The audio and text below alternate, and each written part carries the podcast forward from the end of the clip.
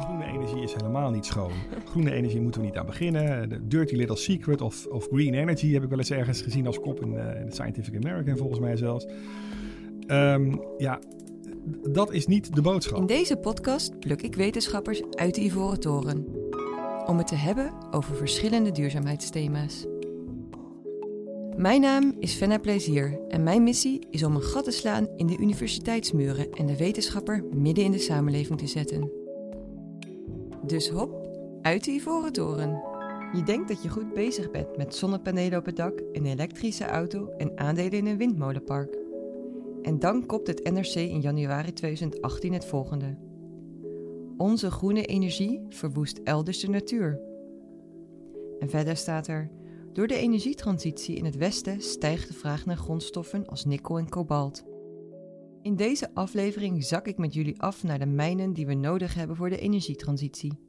Ik praat met René Klein over de materiaalbehoeften van deze transitie. Uh, mijn eigen specialisatie uh, zit hem eigenlijk op het gebied van uh, critical materials. grondstoffen die heel belangrijk zijn voor onze economie. Ook heel belangrijk zijn voor de transities die we moeten doorvoeren om naar een duurzame samenleving te komen. en dan met name de vraag van ja, hoeveel hebben we daarvan nodig en hoe kunnen we die op een verantwoorde manier eigenlijk winnen. Mijn naam is René Klein. Ik ben universitair hoofddocent bij het Instituut voor Milieuwetenschappen van de Universiteit Leiden. Uh, en ik ben daar onderdeel van de afdeling industriële ecologie. Dan vraag je misschien af, wat doet een industrieel ecoloog? Een industrieel ecoloog kijkt eigenlijk naar het metabolisme van de maatschappij. Zoals een, een arts kan kijken naar het metabolisme van zijn patiënt, kijken wij naar het metabolisme van de maatschappij. Dat wil zeggen, we kijken naar alle energie- en materiaalstromen en proberen die uh, met die analyses eigenlijk te, te, kijken naar hoe kan je naar een, een duurzame samenleving komen in de toekomst. Dus welke stromen moet je veranderen, welke energiebronnen moet je veranderen, et cetera.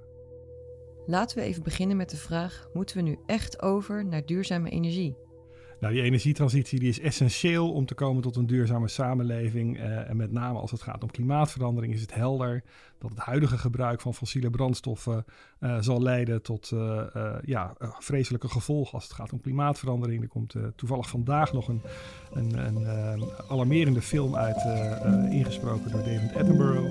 This is the story of our changing planet waarin hij eigenlijk laat zien wat de gevolgen zijn voor het natuur zeg maar, van die klimaatverandering. En die, nou ja, eh, een van de commentaren die er toevallig vandaag bij stond was, uh, hij had net zo goed een, eh, een, een voice-over kunnen doen van een horror movie. Dus dat, die klimaatverandering die is er, daar moeten we wat aan doen en daarvoor is die energietransitie essentieel. We moeten dus over naar duurzame energie, zoals we ook al hoorden in aflevering 1 van Uit de Ivoren Toren. Want je denkt toch niet dat Duitsland in, over twintig jaar nog zegt, oh doe die olie maar. Nee, die gaan natuurlijk ook op waterstof over of op uh, andere brandstoffen. Dus okay. je doet het niet alleen voor het milieu, ook hier niet, maar ook voor die economie. In een land als Nederland en Duitsland zullen wind- en zonne-energie een goede mix kunnen zijn. Maar in hoeverre wordt er bij ons al duurzame energie opgewekt? Um, nog heel beperkt. Uh, nou ja, wereldwijd ook. Hè. Zelfs in een land als Duitsland, waarbij je uh, ontzettend veel zon en wind hebt, is het nog steeds zo dat ehm, een, een, groot deel van de, van de energie eigenlijk niet komt uit zon en wind, maar nog steeds uit dingen als bruinkool, steenkool, aardgas. wereldwijd is het zelfs maar 2% van de totale energievoorziening die uit zon en wind komt. en 80% komt nog steeds uit fossiele brandstoffen. Dus we hebben nog een hele lange weg te gaan een lange weg te gaan. En daarbij ook nog eens de kritiek dat onze energietransitie in het Westen leidt tot milieuschade elders. Ik vraag aan René Klein hoe hij over dit soort berichten denkt. Ja, nou, het, is, het zijn hele terechte vragen die gesteld worden. Zo van, um, ten eerste is het zo inderdaad wat je zegt, omdat je inderdaad die energietransitie moet gaan uh, doorvoeren, heb je ontzettend veel meer materiaal nodig. Dat materiaal heb je nodig omdat zon en wind nou eenmaal hele diffuse bronnen van energie zijn, uh, als je het vergelijkt met fossiele brandstoffen, een heel geconcentreerde vorm van energie. Dus je moet heel veel zonnecellen en heel veel windmolens bouwen om een substantiële hoeveelheid energie uh, binnen te halen. Nou, die zonnecellen in die windmolens die bestaan uit allerlei materialen. Je kan denken aan basismaterialen zoals het, het staal voor, de, voor de, de toren of het uh, beton voor de toren van de windmolen. En dan heb je nog de wieken die uit een composietmateriaal gemaakt zijn. Maar er zitten ook allerlei metalen in die op een gegeven moment ergens uit een mijn moeten komen. En dan kan je denken bij die windmolens aan uh, iets als neodymium, wat in de magneten wordt gebruikt van een aantal van die windmolens. je hebt verschillende typen windmolens, maar in één soort zit ontzettend veel van dat neodymium. Uh, je kan denken aan het kobalt wat uh, gebruikt wordt voor de batterijen uh, in, de, in de elektrische auto's, het lithium wat daarin gebruikt wordt.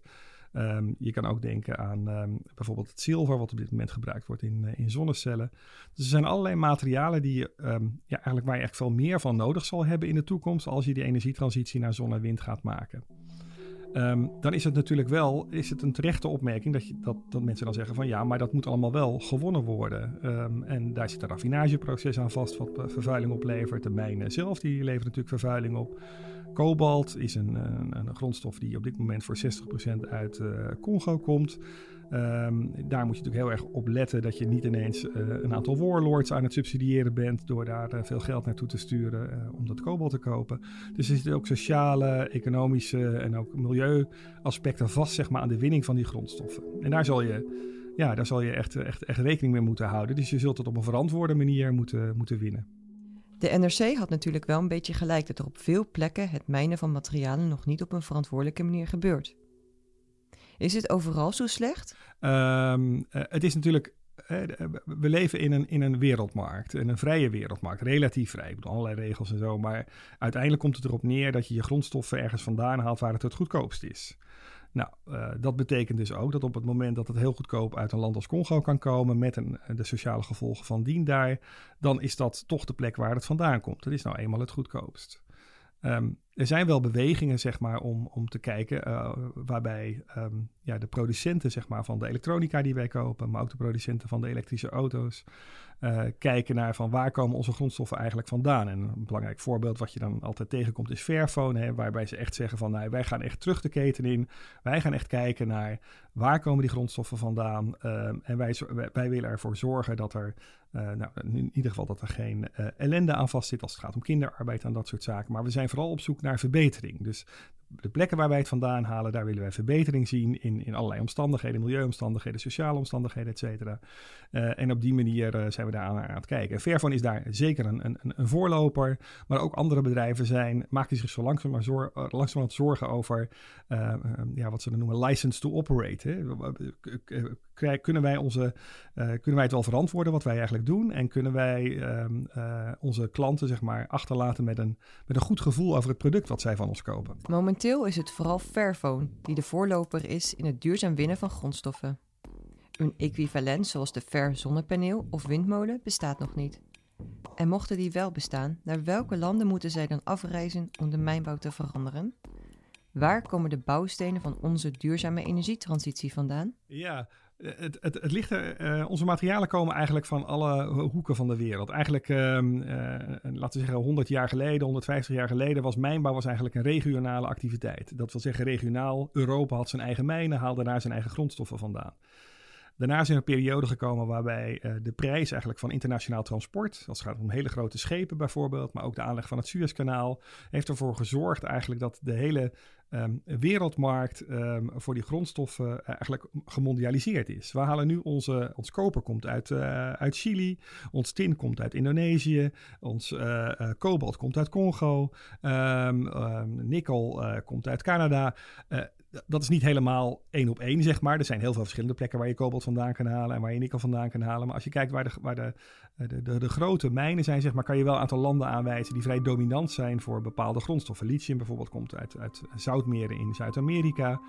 Um, dus er zijn Um, eigenlijk, we kunnen heel veel uh, van die grondstoffen ook gewoon uit uh, ontwikkelde landen halen, zoals Australië en Canada. Um, maar, ik zei net al even, van ja, het is toch een, een enorme drive natuurlijk naar de goedkoopste grondstoffen.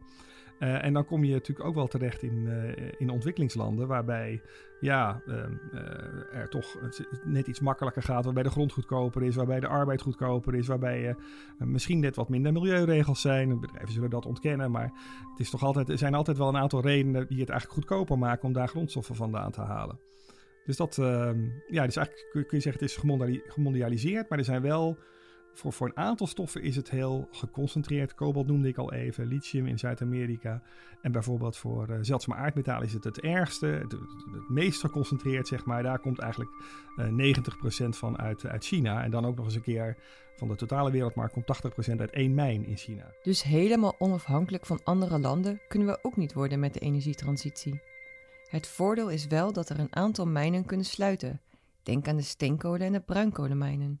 En ook de lekkende olieboorplatformen kunnen we vaarwel zeggen. Als je zou zeggen van oké, nou, laten we nou zo uitgaan dat al die kolenmijnen en die gaswinning en die oliewinning, die sluiten we. En dan gaan we vervolgens gaan we, uh, die metalen winnen. En wat, wat, hoe verhoudt dat dan zich tot elkaar? Nou, zitten er allerlei ingewikkeldheden in hoor. Want die olie, uh, die olie, kolen en gas, zeg maar, die moet je continu blijven winnen. Terwijl je bij die zonnecellen en windmolens zou kunnen zeggen, ja, dat doe je eenmalig. Op het moment dat de infrastructuur er staat, kan je vervolgens uh, met recycling, zeg maar, ervoor zorgen dat je niet opnieuw nog een keer al die grondstoffen uit de grond hoeft te halen.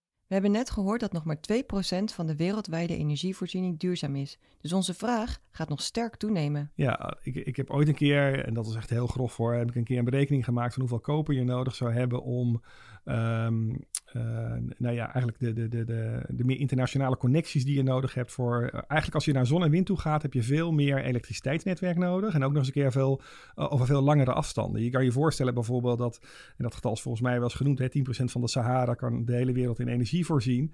Maar dan moet je dat wel gaan transporteren naar de plekken waar dat nodig is. Dus als je dan, nou ja, als je het dan nog even beperkt tot Europa, zul je toch 3000 kilometer hoge spanningsleiding aan moeten gaan leggen vanuit de Sahara naar Europa toe.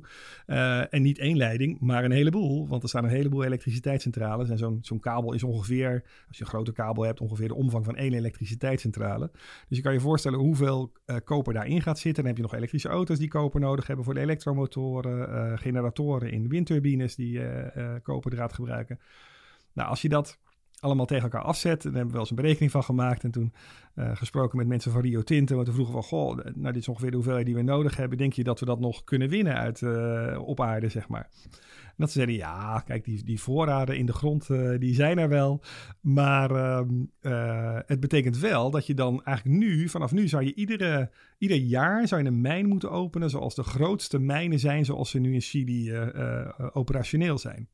En toen dachten ze nog even na. Zeiden oh, wacht even, maar we hebben natuurlijk 10 tot 15 jaar nodig om zo'n mijn operationeel te maken. Nou, dan moeten we eigenlijk nu gaan investeren in twee van dat soort mijnen ieder jaar, om uiteindelijk um, um, daarin te voorzien.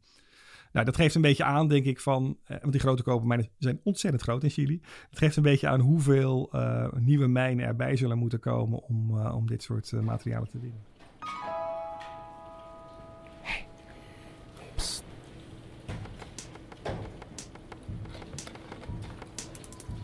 Vind je het net als wij belangrijk om wetenschappers uit die ivoren toren te plukken? Houd deze podcast dan niet voor jezelf en deel hem met je vrienden en collega's.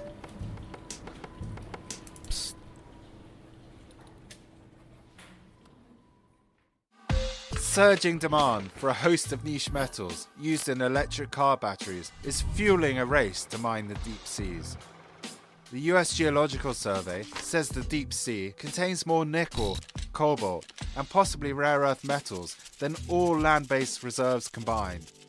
Ik denk niet dat we per se diepzeemijnen nodig hebben voor de energietransitie. Uh, maar zoals ik uh, al eerder heb gezegd, het is een kwestie van vraag en aanbod. En op het moment dat dat de goedkoopste manier is om aan die grondstoffen te komen, dan zal het gebeuren als het mag. We started a commercial venture to mine the deep sea.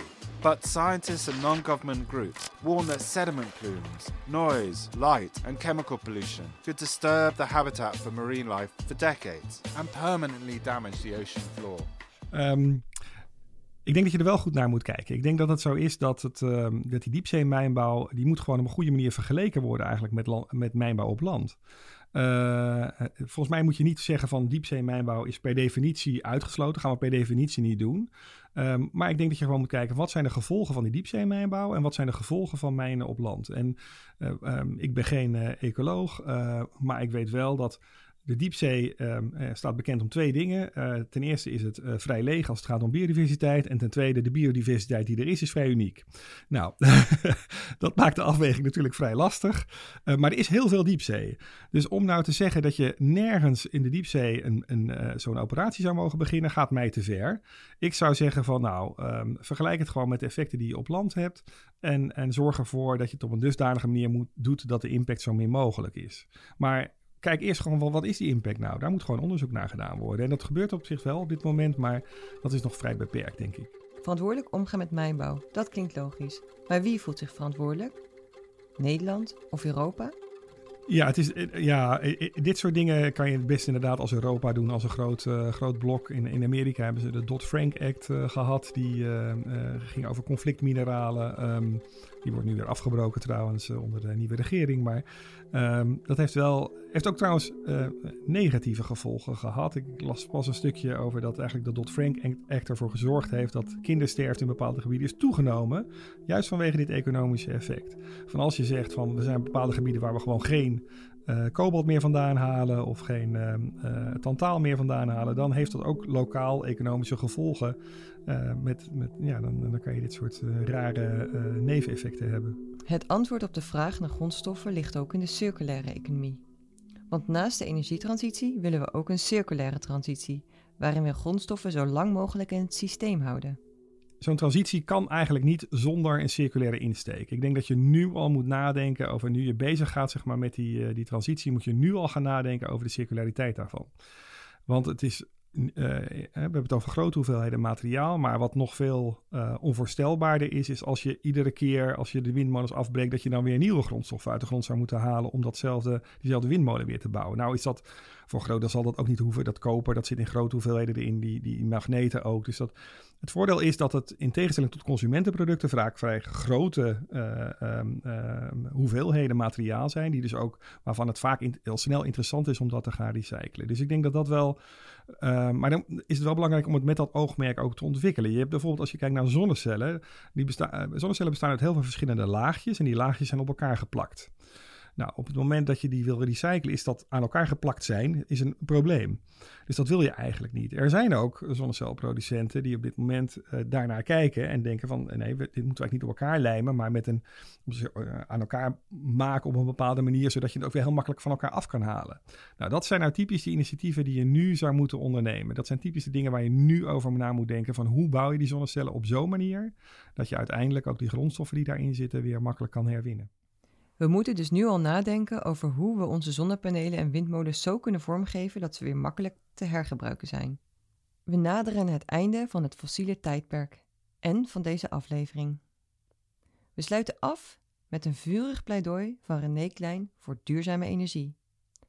Want kritiek wordt ook wel heel makkelijk door de tegenstanders gebruikt om niets te doen. Wat, wat ik wel belangrijk vind is om, um, want uh, deze, deze hele discussie wordt vaak omgedraaid. Ik heb wel eens dingen gezien dat, dat dit soort analyses, dit soort onderzoek werd gebruikt om te zeggen van groene energie is helemaal niet schoon. Groene energie moeten we niet aan beginnen. The dirty little secret of, of green energy heb ik wel eens ergens gezien als kop in, de Scientific American volgens mij zelfs.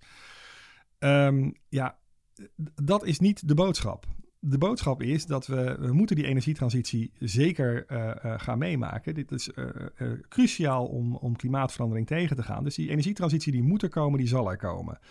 Um, de vraag is alleen, hoe doe je dat?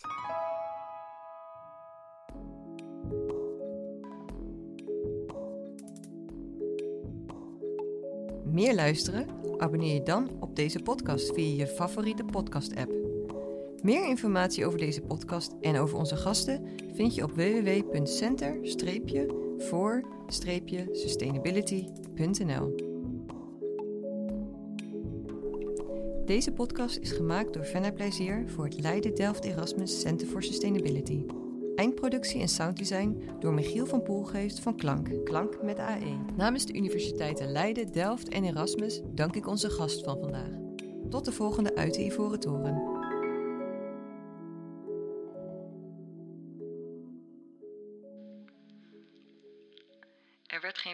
Gewisseld. Allen sloegen erop los. Het enige dat je hoorde waren die onregelmatige, doffe en als uit de verte komende slagen. Elk geluid kreeg een rauwe klank. De duisternis leek van een ongewone zwartheid. Ondoordringbaar door het rondvliegende kolenstof, zwaar van de gassen die op de ogen drukten. De pitten van de lampen onder hun kappen van metaalgaas waren niet meer dan roodachtige stippen onderscheiden. De windplaats was een opening waarin het roet van tien winters een diepe duisternis had opgezet.